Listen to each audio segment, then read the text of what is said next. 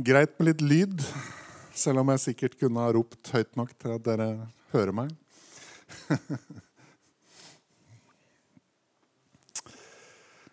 ja Hvis det er noen som ikke kjenner meg, så da heter jeg da Frode.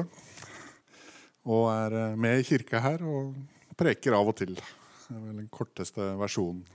Bodd i Tromsø i fem, litt over fem år. Ja Hva kan vi lære av Elia? Del to. Det betyr jo at jeg hadde første delen forrige søndag, så den ligger ute på nett. På der du får podkaster, eller er det Spotify, eller er det flere steder? Spotify, Apple. Så det går an å høre på. Min uh, gamle mor driver og hører på disse her, så jeg får sånne tilbakemeldinger. Så det er uh, på melding i etterkant om kvaliteten. yes. Vi skal uh, snakke om da Elias, som var en av profetene i Gamletestamentet. Uh, uh, han var en litt sånn spesiell type. Uh, jeg vet ikke om det bildet der får det godt nok fram, men det står i andre kongebok 7-8. Der er det en, en, en av kongens tjenere som har møtt Elia, men han visste ikke hvem det var. Så, han, så kongen spør da, da spurte han dem hvordan så denne mannen ut som kom dere i møte og sa disse ordene til dere? De svarte ham, altså Tjenerne svarte kongen. Mannen hadde et staselig hår og bar et lærbelte om livet. Og da sa kongen, 'Dette er spitten Elia'. Altså Det var en de, som var såpass spesiell at det kjente han igjen på den beskrivelsen der. Ok. Eh, jeg må også eh, ta én ting. Fordi, for dere som var her sist, da, så eh, brukte jeg ordet Akab på navnet på kongen. Og så var det et av bibelversene jeg hadde oppe, så sto det Ahab. og, og da måtte jeg sjekke hvorfor, hvorfor gjør det det. Jo, altså Bibeloversettelsene har faktisk brukt forskjellige eh, skrivemåter på navnet til kongen. Så Den bibelen her, som jeg har, der står det Akab. Men den bibeloversettelsen jeg brukte til å hente bibelversa fra, som var en nyere versjon av den samme, der sto det Ahab. så da vet dere det. Men nå har jeg fiksa det, da, så forhåpentligvis er det ikke noe, noe forvirring på det den gangen her. Yes. Hvorfor snakker vi om Elia? Eh, Første Korintbrev eh, 10, 6-11 snakker om eh, Eh, som, eh, en del av det som står i Gamletestamentet. Det står det at alt dette hendte dem som forbilder. Poenget, eller noe av poenget med det som står i Gammeltestamentet. eh, og det er, ikke, si, det er ikke oppfunne historier, men det er sanne historier i Gamletestamentet. Noe av poenget er at vi skal lære av dem og bli inspirert av dem. Vi kan bli inspirert av de, de seierne de fikk, de gode de tinga de opplevde, det de gjorde bra. Og så kan vi lære av de feila de gjorde. Det er mye bedre som jeg sa sist, det er mye bedre å lære andres feil enn å lære av, dine egne feil. Mange tenker sånn at ja, ja, jeg må lære av mine egne feil. Det er liksom det som er den optimale læringa. Men nei, det er bedre å lære andre sine feil. Så derfor eh, snakker vi om bl.a. Elia. Dette er de punktene jeg tok opp sist. Jeg skal bare kort gå gjennom de, så får du heller høre på podkasten hvis du vil vite mer om de punktene. En, Har du fått et ord fra Gud, så vær frimodig. To, Det å adlyde Gud er ikke det samme som et liv uten utfordringer. Tre, Sende Gud deg et sted, så vil han forsørge deg der. Og fire, La, bruk, la, la Gud bruke det lille du har. Og fem, La ikke Satan anklage deg fordi du er tilgitt. Ok. Da skal vi gå inn igjen i historien. og så blir en del bibelvers i dag. Det, det blir det alltid når jeg preker. Jeg klarer ikke å Jeg finner så mye bibelvers. Og det, det, ja, det er vanskelig å begrense seg. Eh, selv i går, når jeg, var, når jeg var ferdig med prekena, så, liksom, så, så, begynte jeg å lese Bibelen. Og så leste jeg i ordspråkene, og da kom det selvfølgelig enda flere vers. Men de, de tok jeg ikke med da. men liksom hele tida så kommer det kommer det verst da, som man har lyst til å ha med. Men ok, Historien om Elia finner du i første kongebok, 17, kapittel 17 og utover. Hvis du noterer. Det er eh, noen kapitler, tre, hovedsakelig tre kapitler, og så er det litt sånn andre ting, og så kommer det et kapittel til, eller noe sånt cirka. Eh, men vi skal lese fra første kongebok 18, eh, 19-24 først. Jeg skal ikke lese absolutt alt som står. Eh, men noe av det må jeg ha med for å, fordi det er en del detaljer som jeg ønsker å fokusere på.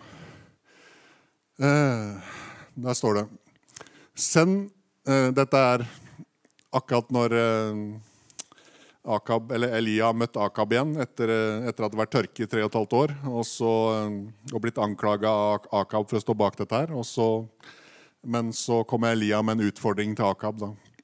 Send derfor bud og samle sammen hele Israel hos meg på, Kar på Karmelfjellet. Sammen med de 450 Baal-profetene og de 400 Ashera-profetene. De som spiser ved, eh, ved Jesabels bord. Så, så, sendte Akab bud blant alle Israels barn, og han samlet sammen profetene på Karmelfjellet. Elia kom fram for hele folket og sa, Hvor lenge vil dere halte til begge sider? Hvis Herren er Gud, så følg ham. Men hvis det er Bal, så følg ham. Men folket svarte ham ikke med et ord. Altså, en bisetning her, De, de ønska begge deler. Det, det, var sånn det var lagt opp til. Altså, de, I eh, tempelet der og litt sånn. Men eh, ja. Eh, men da sa Elia til folket, jeg, jeg er alene igjen som Herrens profet. Men Bals profeter er 450 menn. La dem derfor gi oss to okser. La dem velge ut en okse og dele den opp i stykker og legge dem på veden uten å sette ild på den. Og jeg skal gjøre i stand andre oksen og legge dem på veden uten å sette ild på den. Så skal dere påkalle navnet til deres Gud, og jeg vil kalle på Herrens navn. Da skal det være slik at den Gud som svarer med ild, han er Gud. Så svarte folket og sa, det ordet er rett. Elia han går rett i strupen på Baal-profetene. Han utfordrer dem til å virkelig ta, vise at, at det er en levende Gud. Er det en levende Gud de ber til, eller er det bare et bilde? Eller er det bare noen steiner eller hva det er de har brukt som å lage en, et eh, bilde av profeten sin? Nei, av, av, av guden sin, da. Her må de gjøre noe konkret. Og det Det er folket med på. Og det som skjer etter der, er at håper å si, Baal-profetene de setter i gang. De, bygger, de, setter, de hogger opp den uh, oksen holdt jeg på å si, og legger den på bålet og, og, begynner å be til guden sin og rope til guden sin. Da. Gå rundt der og, og, og uh, rope på Bal. og Dette holder de på med i mange timer. Og jeg vet ikke om Elia fulgte nøye med for å sjekke at ikke de liksom satte fyr manuelt på dette bålet. Men uh, antagelig så gjorde han det, for det, det var nok veldig fristende for dem. fordi de visste jo egentlig at Bal han kommer ikke til å gjøre noe som helst. De visste jo at det var en bløff. Men sånn er det. Altså, Mennesker vil gjerne tro på et eller annet som de kan styre sjøl. Noen vil gjerne sette seg i en posisjon der de kan si, få mennesker til å tro på et eller annet. Så det gjør at de sjøl får fordeler. da. Den Avgudsdyrkelsen den fins i dag også, men det, det, ser gjerne annerledes ut. Kanskje i andre religioner så ser det, ligner det noe. Men, men avgudsdyrkelsen ligner fortsatt. så de bruker altså flere timer på å rope til den der guden sin, og det skjer ingenting. De begynner å rispe seg opp. Begynner å eh, med, altså, sprute blod, står det. og Elia begynner å håne dem. Han begynner å mobbe dem og rope liksom, ja, Nei, men kanskje guden deres er langt borte. Kanskje han sover. Dere må rope høyere, liksom. Du må vekke han. Så etter hvert da, så, så er det Elias sjøl som overtar. Han, eh, de gir opp. Han eh, begynner å, å forberede eh, bålet, eller den, det alteret. Han bygger det på en sånn vis at, at de ser symbolikken i det. Han bruker tolv steiner, som er et sånn symbol på, på de tolv stammene til Israel. Og litt for sånne ting, da. Og så eh, kommer han fram eh, Eh, for Gud Eller jo, det, det, er viktig. Det han også gjør, det er at han ber de helle vann oppå veden. Oppå hele oksen og hele veden.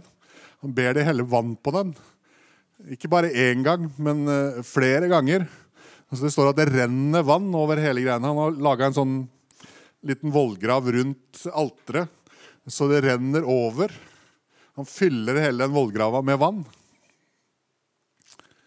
Og så Han liksom gjør det bare ekstra, ekstra klart at Gud, her kan ikke noen bare jukse litt og tenne på mens ingen ser på. Men han, han, bare setter det skikkelig på liksom Det her må Gud Gud må gripe inn her hvis, hvis det skal liksom Eller det blir ikke en sånn liten ild som eh, kom, trengs her. Det trengs en veldig stor ild. Så da leser vi igjen fra vers 36.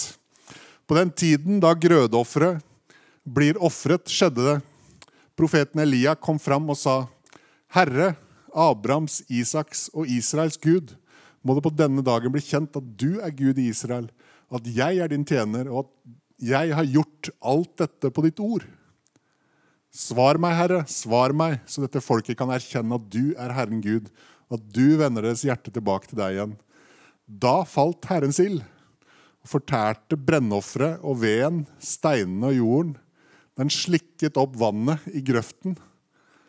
Og da alt folket så det, falt de på sitt ansikt og sa, Herren, han er Gud.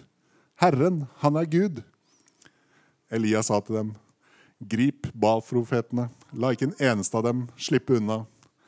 Så grep de dem, og Elia førte dem ned til Kishon-bekken, og der lot han dem drepe.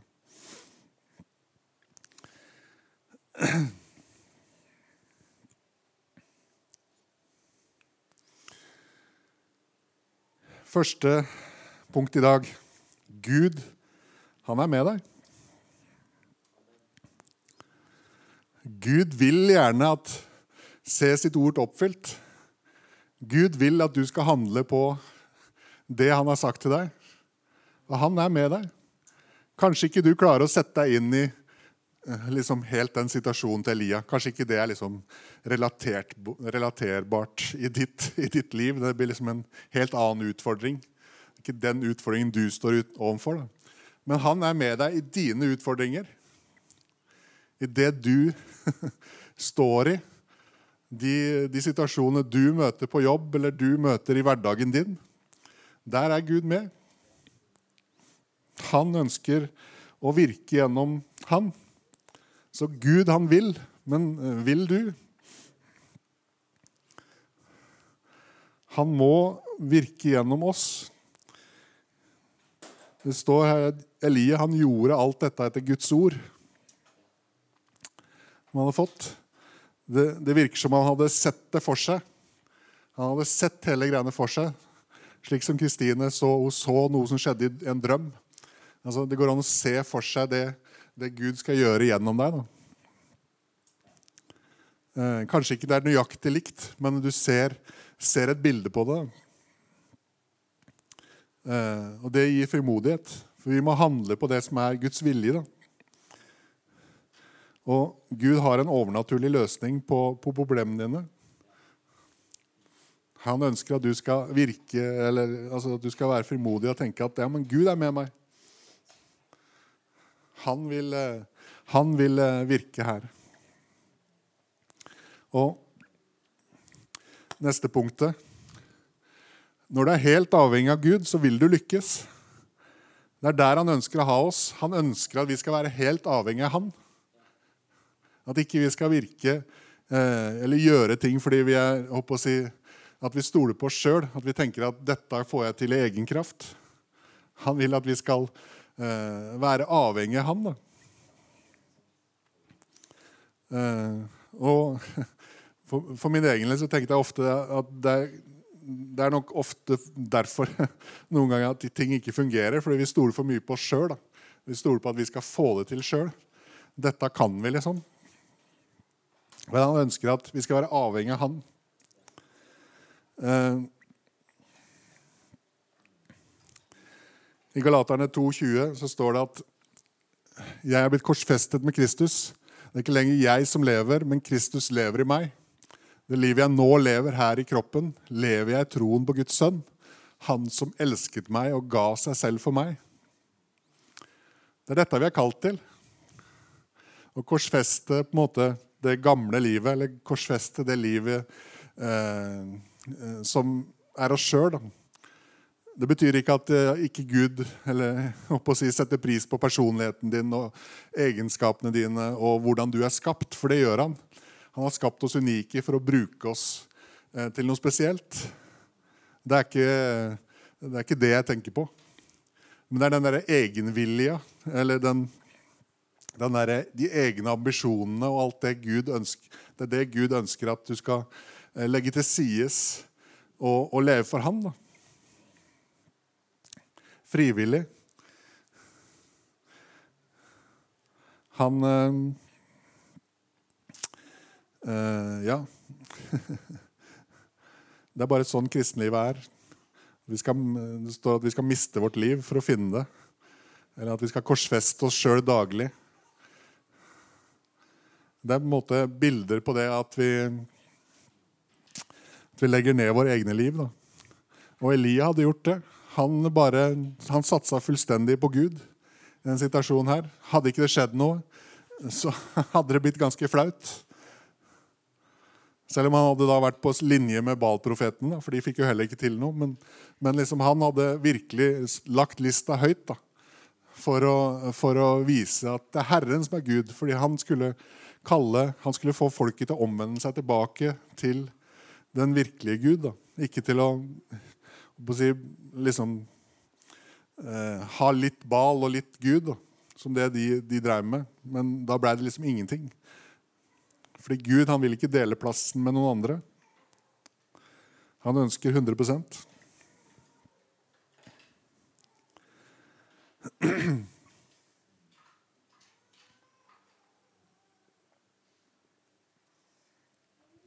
Dette er en utrolig fascinerende historie som liksom, det må Mye av Bibelen er sånn at det, det, det, blir mye bedre hvis du prøver å se det for deg. Og Noen har jo mer livlig fantasi enn andre, så, så, det, så, når du hører en del prekener, så kan det bli veldig, veldig, veldig sånn eh, fantastisk. Men eh, Les Bibelen sånn, se det for deg, og, og, og, og skjønn det at kunne, dette kunne vært meg, men var i en helt annen situasjon. Og ha Jesus som herre. La han få bestemme. Så du er helt avhengig av ham. Ok, nå skal vi lese litt videre. Um, dette er eh, egentlig neste vers etter at eh, Elia har eh, fått henretta alle disse her, avgudsprofetene. Da, da står det deretter sa Elia til Akab, dra opp og spis og drikk, for det lyder sus av et kraftig regn. og det, det, det, er morsomt, egentlig. altså Dette her er litt sånn derre eh, For meg er dette et bevis på at liksom, dette, er en, dette er ikke en historie noen har funnet på. Dette er noe som har skjedd. Hvorfor i all verden eh, ber han kongen dra opp og spise og drikke? Det virker som han har, om, han har omsorg for kongen. Kongen har vært ute her hele dagen og sett på dette her greiene. Han kanskje ikke har, har ikke spist og drikket, tydeligvis. da. Eller iallfall ikke så mye. Så nå må det Nå må du spise og drikke, konge. Og kongen var jo ikke akkurat det, var jo en av de bad guysa her. så, men ja, det står sånne detaljer i Bibelen. Så, så dro Akab opp for å spise og drikke. Men Elia gikk opp til toppen av Karmel. Så bøyde han seg til jorden med ansiktet mellom knærne. Og så ba, da. Og han sa til tjeneren sin, 'Gå nå opp og se ut mot havet.' Så gikk han opp og så, og han sa, 'Det er ingenting der'. Sju ganger sa han, 'Gå tilbake igjen'. Men den sjuende gangen sa han, 'Se, det er en liten sky der, så liten som hånden til en mann.' Den stiger opp fra havet. Så sa han, 'Gå opp og si til Akab:" 'Gjør vognen din klar, og dra ned, så ikke regnet skal stanse deg.' Og på en liten stund skjedde det at himmelen ble svart av skyer og storm. Det ble et kraftig regnvær. Så kjørte Akab av sted og dro til Israel. Da kom Herrens hånd over Elia, og han festet kappen om livet og sprang i forveien for Akab helt til inngangen til Israel. Ok.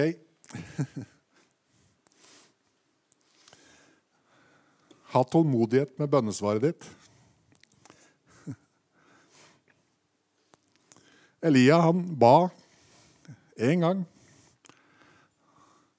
Men det kom ikke med en gang. Det skjedde ikke noe med en gang. Men han var sikker på at det skulle komme, fordi han hadde bedt på Guds ord. Han visste at det skulle skje. Vi har Guds ord. Vi har mange løfter i Guds ord som er til oss. Hvis du står på et av de løftene der, så vil det skje. Men det kan hende at du må ha litt tålmodighet før det skjer konkret.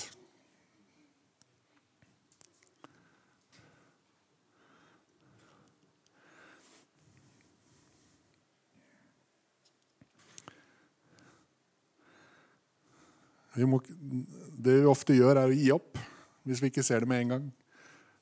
Vi tenker at når vi har bedt Gud om noe, så skjer det med en gang. Han er jo Gud. Nei, Gud eh, eh, Det er mange tilfeller av det i Bibelen der det ikke skjer med en gang. Så vi må ha litt utholdenhet. Vi må ha litt tålmodighet før det skjer, da.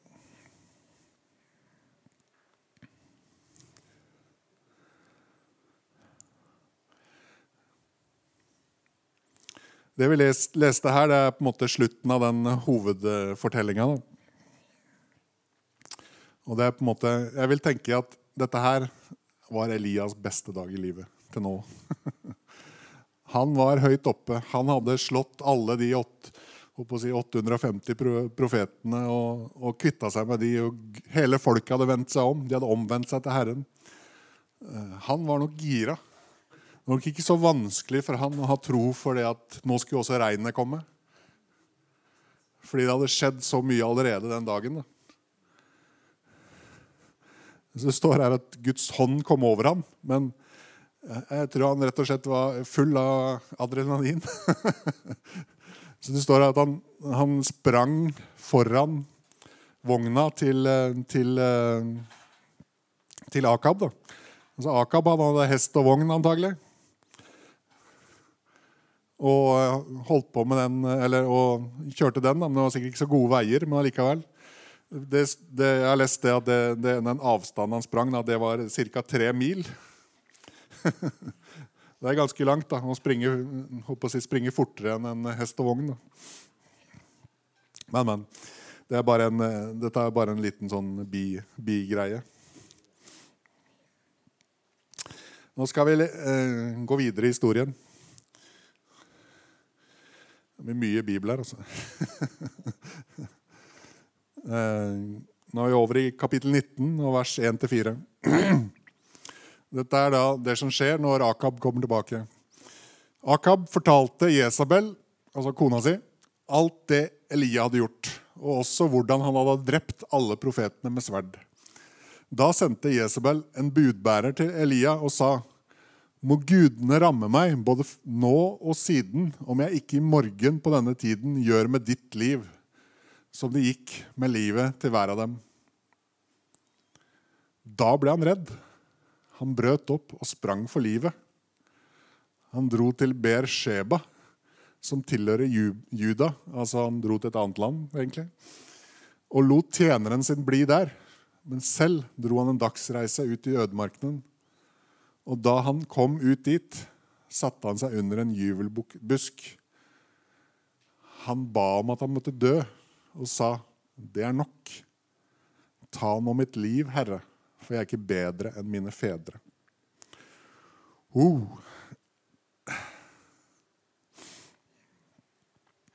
Wow, for en nedtur. Fra å være så høyt oppe så liksom går det en dag, og så vil han at Gud skal ta livet hans. Hva skjedde egentlig?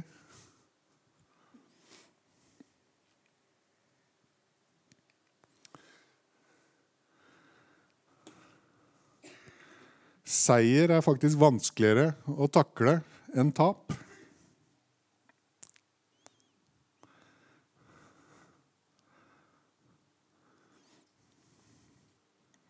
Det er Hvis du hadde tapt, eller hvis du feila eller mislykkes, så ville du antagelig søkt til Gud. For hjelp til ham der er det er naturlig for oss. Søke til Gud når, vi, når noe går gærent, når vi har det tøft. Men når vi, når vi vinner, når vi seirer, når vi har suksess, så blir vi frista til det motsatte til å ikke søke Gud, til å ikke være avhengig av Gud. Det er derfor det er vanskeligere å takle seier. Og Det var det som skjedde med Elia. Han, det, det siste som sto der, at 'jeg er ikke bedre enn mine fedre', det avslører Elia. Fordi han hadde faktisk begynt å tro at han var noe i seg sjøl. Den der enorme oppturen ga han sjøltillit. Han, begynte å stole, han tenkte at 'jeg er bedre enn mine fedre'. Jeg er virkelig blitt noe her. Han slutta å, eh, å være like avhengig av Gud. Da.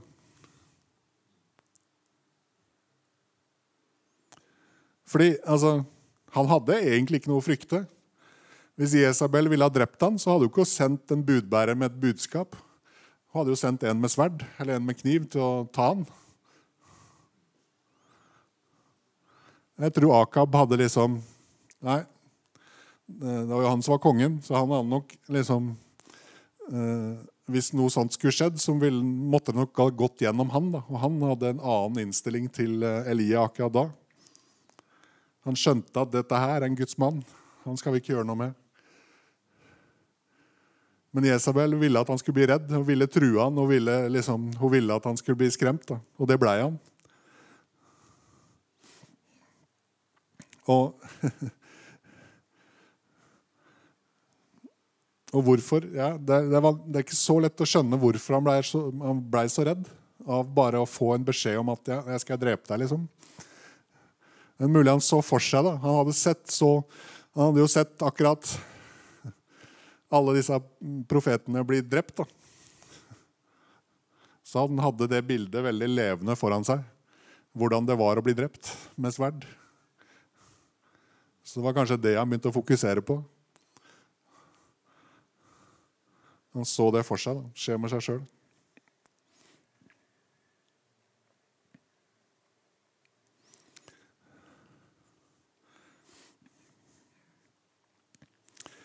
Så når du følger Gud, og du gjør, si, gjør de tinga her, og du opplever seire, da, så Eh, bruk denne historien her til å minne deg på at du må fortsatt søke til Gud. Du må fortsatt være avhengig av Han. Sannsynligvis Eller det er ikke sikkert du tenker at du vil oppleve sånne store, store ting som dette her. Men du vil oppleve bra ting. da. Du vil kanskje oppleve at du ber for folk, og de blir helbreda, eller andre sånne ting. da. da eh, som er kjempepositivt. Men da må du hele tida bare ha den der avhengigheten av Gud. Det er du det er du som gjorde det. Og du som eh, virka gjennom meg.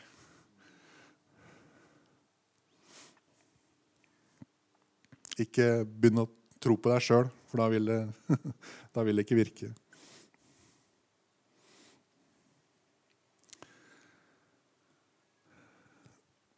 Nå er det ikke mye igjen av historien som jeg skal ta med meg. Men eh, eh, Det som skjer etterpå her, det, det, nevnte jeg litt om sist, men han, han eh, blir Håper eh, å si Gud tar tak i han. Og, og, møter han til og med personlig. Fordi Elia var viktig for Gud, tror jeg. Han hadde mer Elia skulle gjøre i livet. Det var ikke bare den derre eh, Karmelfjellet som var liksom det som Elia skulle gjøre for Gud. Nei, Gud, Gud, ville at Elias skulle utføre mer. Han var, han, var, ikke ferdig. Det var veldig mye ugudelighet på den tida der. Han, han, ja, han hadde større planer, da. Så Gud gir ham flere oppdrag. Men de, det er tydelig at Elia han, har gitt opp, på en måte. Han, han, eh, han, eh, slutter å liksom gjøre det, eh, alt det Gud sier. Da. Han velger, han, han velger sjøl hva, hva, han vil gjøre, og hva han ikke vil gjøre. Så, så noen av de tingene som han ikke da gjør, det, det er det da han profeten som kommer etterpå, Elisha, som uh, må gjøre. da. Uh, og, der, og, Noe av de, det som står i de kapitlene, er ting på en måte som antagelig kunne vært eller som skjer, som egentlig er litt sånn tragiske, eh, som, eh, som, vi ikke skal gå i detalj på, men, men som antagelig kunne vært unngått. Da. Hadde Elia liksom bare ok, børsta litt støv av skuldrene og reist seg opp igjen. Da. For han falt, og så ble han egentlig litt liggende. Men vi er kalt til å reise oss igjen. Så, eh, så dette her er på en måte Og jeg tenker også at det mange har det litt sånn at ja, men Gud, Gud han er allmektig, og han, han uh, kan få hva som helst til å skje på jorda. Det er liksom, Hvis Gud har bestemt noe, så skjer det uansett. Ja, det er en sannhet i det, men det er en del detaljer da, som Gud, Gud er avhengig av mennesker da, for å få gjort det han vil, i mange tilfeller. Og siden Elia ikke ville gjøre det, han, det Gud ville at han skulle gjøre, så skjedde det en del ting i historien der som kunne vært unngått. Ok, det ble ordna opp seinere, men allikevel. Eh, Gud han styrer ikke detaljert her på jorda. Vi har vår frie vilje. Så hvis ikke vi gjør det Gud vil vi skal gjøre, så er det kanskje konsekvenser av det. Da. Det er litt alvorlig.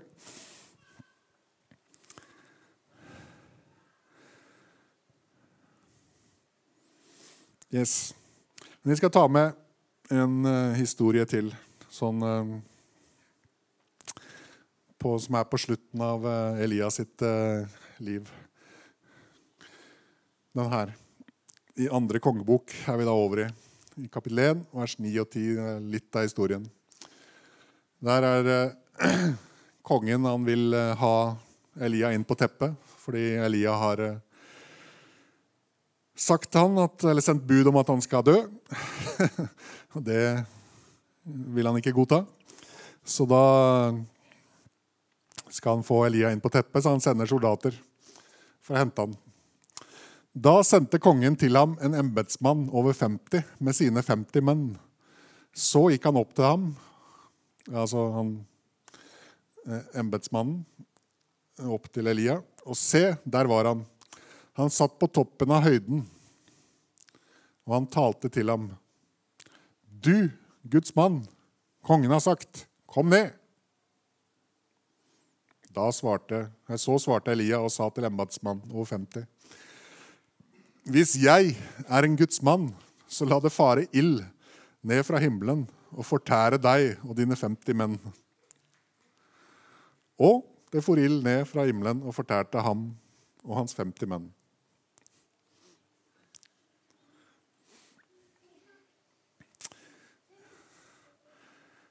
Yes. ok, og så, Dette her skjer to ganger.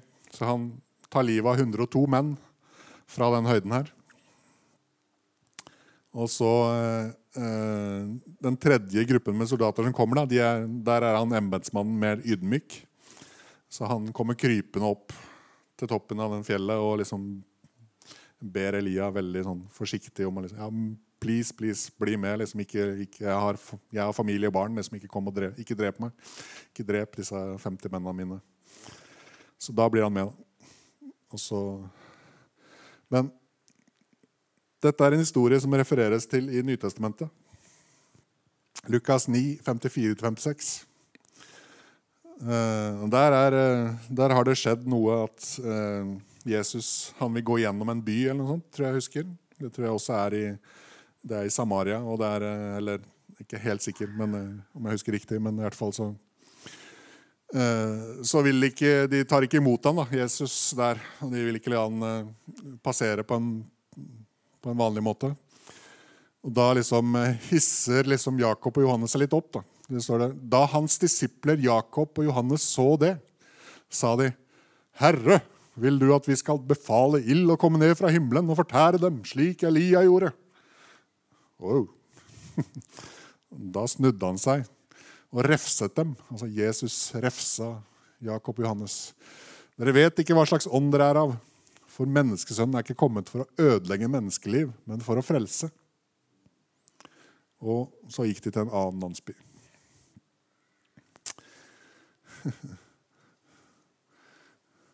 Det er mulig at Jesus ville irettesatt Elia for det han gjorde der i Gammeltestamentet. Vi vet ikke det. Det var andre spilleregler i Gamletestamentet. Eh, helt klart så viser vi det at det er iallfall Når Jesus er med, så var ikke det Guds vilje. Og det var ikke sånn Det er ikke sånn vi skal. Eh, vi er ikke ute etter å ta mennesker som synder, f.eks. Eh, eller gjør dårlige ting. da. Det er ikke vår oppgave. Vår oppgave er å vise dem barmhjertighet og vise dem evangeliet og forkynne for dem, vise dem Guds kjærlighet. Ehm, så, så vi må lære oss forskjellen på, på eh, En av de tingene vi må gjøre, er å lære oss forskjellen på den gamle og nye pakt. Fordi Elia levde under den gamle pakt, mens men Jesus oppretta den nye pakt. Eh, at, og, og, det var det han underviste disiplene sine i. Da. Hvordan de skulle respondere på verden og det, det som skjedde rundt dem. Og, men altså på slutten av livet så gjorde ikke uh, Elia lenger det han eh, til Gud Satan. Og jeg tror at han håper å si, han hadde ikke den samme relasjonen heller til Gud som han hadde før. Vi må eh, Det er noe av det vi, vi, eh, kan lære av Elia. At må, dette livet vi lever, da, det, det, det varer en stund. da.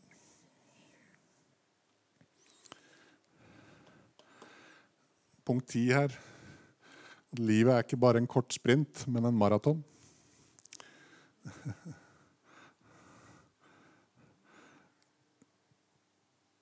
Vi må beholde den der personlige relasjonen til Gud. Vi må beholde den livet gjennom. Ikke å I det tinga du gjør, så ikke stress av gårde og tenk at vi skal, liksom, vi skal rekke alt. Nå, nå når jeg er ung og ung og håper å si fri. Men, eh, men, Gud ønsker å ha oss med hele veien. Da. Det vil være hele tida nye ting som, som han kan bruke oss til. Og det vil ikke se det samme ut hele veien nødvendigvis. Som vi snakka om sist, altså kall og oppdrag kan endre seg. Men Gud vil at vi skal uh, være nært han hele livet. Da. Han vil at vi skal reise oss igjen når vi faller. Og gå videre og fortsette å bli brukt av Gud. Det å falle er ikke en Du, du blir ikke avskrevet. Altså, du blir ikke, du blir ikke Hva heter det? Uh, du mister ikke jobben. du, eh, selv, om, selv om du har tabba deg ut en gang. Du kan tabbe deg ut mange ganger, tror jeg. Gud er nådig. Han kan fortsatt bruke oss, selv om vi gjør ting som ikke, eh, ikke er eh, helt riktig. Men det forutsetter at vi reiser oss igjen, at vi kommer oss tilbake til eh, relasjonen med Han. Så vi kan høre fra ham. Og selvfølgelig, det fins ting som altså Du kan miste tilliten blant mennesker. Vi har hørt om masse historier om pastorer og kristne ledere som, som gjør dumme ting. Og øh, jeg tenker at det er riktig at i en sånne tilfeller at man håper å si, i hvert fall tar en pause. Og, og, eller gjør, fordi du mister tilliten hos mennesker. Men hos Gud så er, er du tilgitt. Hvis du omvender deg og, og på en måte håper å si reiser deg igjen. Da. Så vi, vi må fullføre løpet. Det er det vi er kalt til. Og Det kan vi lære av Elias feil, at han ikke nødvendigvis gjorde det på en like god måte da, som egentlig var meninga. Om det var derfor Gud si, tok han opp i sky, skyene eller opp i, til himmelen med en ildvogn, det vet jeg ikke. Men uh, men i hvert fall så avslutta Gud tjenesten hans, og Elisha overtok den og, og, gjorde mange enda flere under enn Elia. Så det er en veldig spennende historie. Den kan du lese sjøl. kan hende vi preker om den seinere, men ikke nå. Yes. Hvorfor er eh, Elia så kjent og symbolet på profeten i GT? i Gamletestamentet. Han gjorde ikke flest mirakler. Han skrev ikke egen bok. Han var ikke perfekt. Han gjorde ikke alt det Gud ba han om. Men ja, han trodde Gud. Eh, Lukas 1, 17 står det om Johannes, men det står at han skal også gå foran ham i Elias ånd og kraft for å vende fedrenes hjerter til barnet og de ulydige til rettferdighets visdom og for å gjøre stand et vel forberedt folk for Herren. Elia, han, når han var på sitt eh, på si beste, så trodde han virkelig Gud. Han var fullstendig dedikert til det Gud eh, ville at han skulle gjøre. Han fikk hele folket til å omvende seg. Så han, han gjorde veldig sånn massive ting for Herren. Da. Det vil vi alltid, eller, vil han alltid si, bli huska for. da.